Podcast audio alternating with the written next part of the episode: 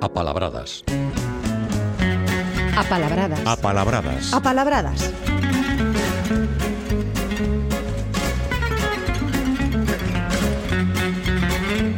Paulino Novo, ¿qué tal? Muy buenos días días. Un placer saudarte, sabes que a semana pasada non tivemos oportunidade de, de facelo, de poder escoitarte por causa de forza maior como foi o pasamento de Nicolás Camino, do que demos conta neste espazo. Así que hoxe esta convértese na primeira colaboración. Exactamente, máis que xustificado polo, polo compañeiro e bo amigo Nicolás, claro.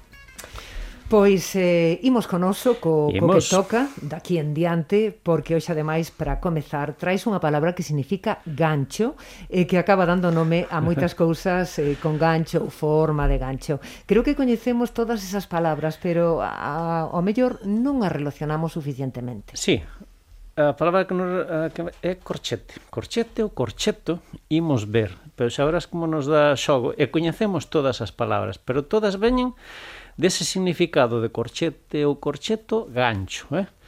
eh, que é unha palabra esta, corcheto ou corcheto, que ven, ou outras que vamos ver derivadas, que ven dunha palabra francesa que é crochet, que tamén significa eso, o mesmo que gancho. Coñecemos corchete, o broche, que ten dúas partes, é como un pequeno gancho para unilas, non? Ese é o corchete. Pero temos outros corchetes. Hai unha palabra que se deixou de usar hai moito tempo, corchete, para un alguacil. Porque eh, o alguacil tiña unha especie de gancho para prender os delincuentes. Entón, por metonimia, porque levaba ese gancho, ese corchete, pois a el tamén lle chamaban corchete. É unha palabra que está en, des, en desuso xa porque non hai a figura esta do alguacil que facía aqueles que facía aqueles labores, non? De todas maneiras é unha palabriña, ao mellor un día lle facemos un repaso porque ten moitos nomes para esta figura deste deste empregado público, eh? Outra, corcheto. Corcheto en galego chámase a persoa que torce os pés cara adentro, cando anda que é o que fai? Pois poñer as pernas como se fora curvadas, como se fora un gancho. Eh? Pois ese é un corcheto en galego. En portugués teñen colchete, con L. Con L. Temos que exagerar, porque ora faz no raro ainda falar con, falar sí. con máscaras pro micrófono. Entón, ás veces tes a dúbida de se quedou ben, se quedou ben pronunciado. No? A xente, a nosa audiencia é comprensiva. Pois, en portugués, colchete con L, chamanllo a un amigo íntimo eh, ten o seu sentido, porque o amigo íntimo está enganchado, eh? está enganchado a nos afectivamente. Non?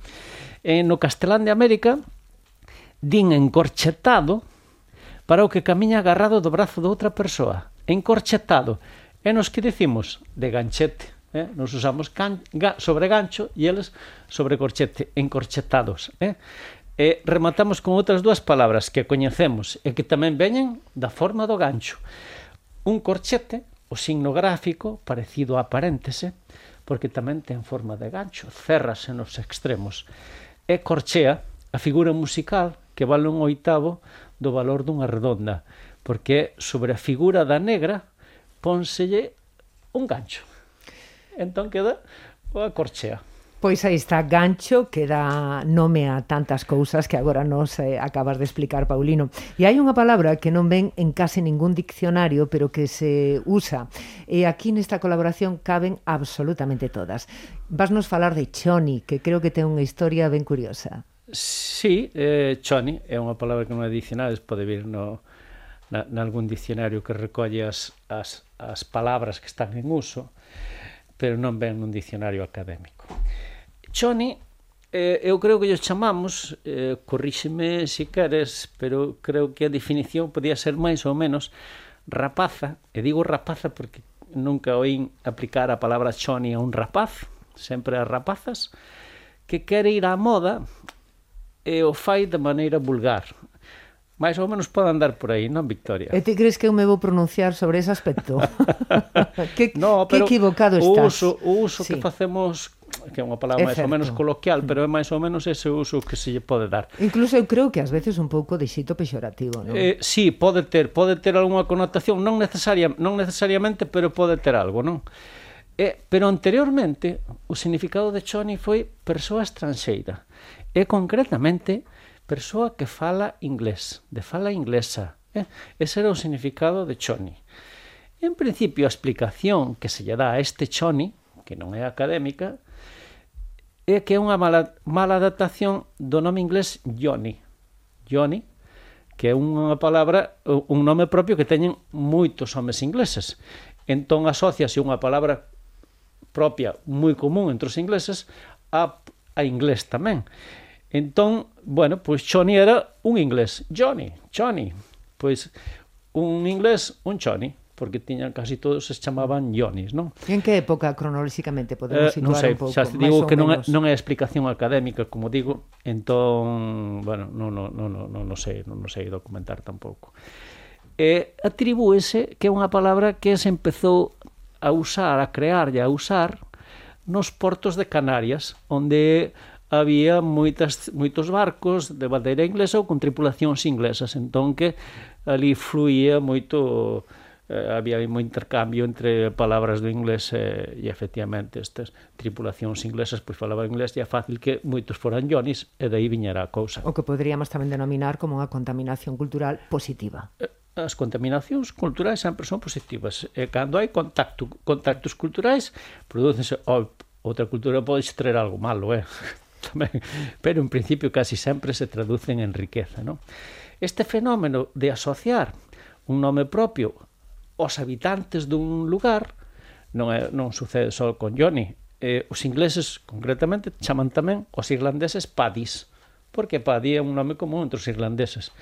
E nós chamamos pancho as, a moitos homes sudamericanos eh, de México para baixo porque hai moitos franciscos e os franciscos de México para baixo son panchos. Entón tamén asociamos, como é moi común ese nome entre eles, pois chamamos tamén, facemos aí tamén unha metonimia, non? E xa para acabar, como dicía que choni é unha palabra que eh, se di que se creou nos portos de, de Canarias, temos unha palabra que se creou nun porto de Galicia, que eh, no porto de Celeiro, en Viveiro, que é chilindrín os daquela zona coñecerana, porque é unha palabra moi usada.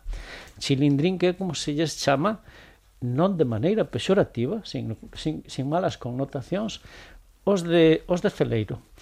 E a explicación que hai, tam, tampouco académica, igual que Choni tampouco é académica a explicación, pero ali atribúese a que embarcacións tamén de fala inglesa que chegaban ali e, e barraban os rapaces que había por ali por, polo porto children, children, colleme aí o cabo, non? Children e des unha deformación dese children de, de neno pois saliu chilindrín é a explicación, xa digo, non académica que lle dan por ali pero en principio tamén é unha palabra nacida nun porto Pois eu que son do sur, precisamente da provincia de Lugo, teño escoitado, mm, a lo menos de pequena mm, ou unha adolescencia, a palabra chilindrín e non hai precisamente porto. pode ter outros usos, ao final é unha, é unha palabra de creación expresiva, eh? Eh, Paulino, continuando, de vez en cando falasnos de palabras que se crearon na literatura que resultan certamente curiosas, pero hoxe trais unha que se inventou ou que inventou, mellor dito, un escritor, Voltaire, pero equivocándose, confundindo dúas palabras sí. do latín. Como como foi? Sí, sí, explicamos máis ou menos a ver a ver si a ver si son capaz de, de, de, de facelo con, con a mínima claridade. Temos falado, si, sí, de moitas palabras e seguiremos, porque hai moitas que se crearon, xa falamos varias veces, e prometo falar máis veces de palabras que nacen dos libros, da literatura. Eh? E hoxe coñemos unha palabra que creou Voltaire, o escritor francés, e que, cre, e que creou erróneamente, pensando que collía outra. Eh, é unha palabra que en galego non temos, é foliculario eh, non aparece no dicionario da Academia, pero sí que é unha palabra que é do castelán e tamén é do portugués e tamén é do francés, aínda que se creou equivocadamente, a palabra do francés, folicu, en francés foliculaire, non? Aplícase a, unha, a un mal escritor ou a un mal xornalista. Concretamente, os primeiros usos foron a xornalistas sen talento e podía ser tamén eh, xornalista sen, escrup, sen escrúpulos. Eh? Foliculario en castelán e portugués, folicular en francés. Tampouco hai problemas, pero se o queremos usar en galego tampouco lle imos poñer problemas. Eh? E sería unha palabra similar a folletineiro.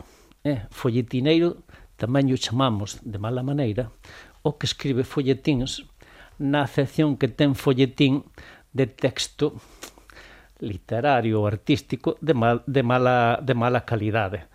E folletineiro, bueno, pois chamamos a un mal escritor ou a un, ou a un mal xornalista, non? Temos o folletín e o folletón tamén. O folletín son folletos, un libro pequeniño, e o folletón é tamén un libro pequeniño. Normalmente pequeno ou que se acompaña a outra obra. O folletón, por exemplo, acompañábase antigamente, era como un apéndice dos xornais eh, Alexandre Dumas escribiu os seus libros ou os escribían baixo a súa dirección, que tamén pasaba isto, e por entregas. Entón, non nacían como libro completo, sino que nací, entrega, ibas entregando por partes en folletóns engadidos no, como fascículos do, dun xornal. Non? E entón este folletín este folletón eh, era vendo latín de folium ou folia eh, que era a folla. Eh, a través dun diminutivo, seguramente un diminutivo no caso de folletón do italiano folleto. Non? E Voltaire o que quixo é crear outra palabra, indo tamén ao latín folium ou plural folia, que se usaba tanto como singular, e crear outro derivado para tamén para denominar un mal escritor. E foi ao latín e colleu a palabra folículos, con dobre L pensando que era derivado de Folium. Folium cun L nada máis. E equivocouse porque folículos é derivado de folis. E folis en latín significa saco. Uh -huh. E, por tanto, folículos é un saco pequeno, non é un texto ou unha folla pequena, é un saco pequeno. Entón, por eso decimos equivocouse. Deste folis, saco, é onde temos nosa palabra fol. Eh? E, bueno, pensou que collía un derivado de, de folla e collía un derivado de fol. Pero fixo ca mellor intención. Pero fixo ca mellor, e, a pal, e a palabra, e a palabra quedou aí. E aproveitamos para eh, eh, contar que esta palabra eh, folículos en latín tamén era a vaíña que teñen algunhas sementes ou legumes ou a envoltura dos intestinos ou a envoltura da larva e deste folículos digo, estas envolturas son como pequeniñas bolsas, pequeniños foles que encerran algo, eh? E deste, desta palabra temos nos folello, que é a envoltura da espica do millo, ou folecho, que é un saco pequeno. En portugués teñen folecho tamén para unha, unha ampola, unha vexiga na pel. E incluso temos unha palabra que tamén se creou erróneamente en galego que é follello, por confusión con folla, porque, por exemplo, a envoltura do, da espiga de millo non deixa de ser unha folla. Entón houve aí unha confusión. Entón temos follello con dous elles para tamén para este, para algunhas destas envolturas, aínda que si hai unha palabra follello derivada de folla con significados que corresponden a eso. Esa é unha palabra que existía na lingua medieval e ademais está registrada só con uso, con uso figurado, que era cousa sen importancia pero eh, para haber un uso figurado tiña que haber un uso un significado recto anterior. Pois todo isto ven a conto, veo a conto desa equivocación que tivo Voltaire nos seus inicios. Hai equivocacións, Paulino, nefastas no mundo, pero hai outras que son absolutamente maravillosas. Sí. De algo negativo construíse algo positivo. E para acabar, seguiremos o costume, Paulino, de recordar ou recuperar unha palabra pouco usada. Hai moitas, eh, e aquí hoxe rescataremos, bueno, seguiremos rescatando unha cada semana, pero hoxe temos unha que de saluto. Non sabería que significado darse. Eh, enténdote. sí, desaluto. Pois é unha persoa avesa, unha persoa de mal carácter. Pode ser tamén unha persoa atrevida ou unha persoa destemida. É unha palabra que ven nos dicionarios, pero que eu coñezo porque se usa en pastoriza, concretamente en saldaxe. Entón, é unha palabra que sí que, que, que ten uso. Doulle estes significados e seguramente de saluto pois eixa un, deriva, un derivado inverso de alutado, Alutado é triste. E sería o participio de alutar que é entristecer, poñerse de loito, porque sería un derivado de loito, do latín luctus, que era loito ou pranto, eh, e dai viría, dai viría este desaluto que efectivamente é unha palabra eu creo que que vamos a sorprender a moitos porque mm. casi, ni, casi ninguén a coñece seguramente, pero nos rescatámosla hoxe. Pois hai queda, en todo caso non a imos eh, pronunciar moito, non vai a ser que colla forma este desaluto e nos amargue o día. Dime. Sí, o que pasa é que o, por usar a palabra eh, non, non imos facer que haxa máis persoas de mal carácter. entón, bueno, tranquila. Paulino Novo, un placer como sempre. Igualmente. Poder recuperar esta colaboración no Galicia por diante fin de semana e que teñas por diante un magnífico sábado. Igualmente para ti e para todos os que nos escoitan.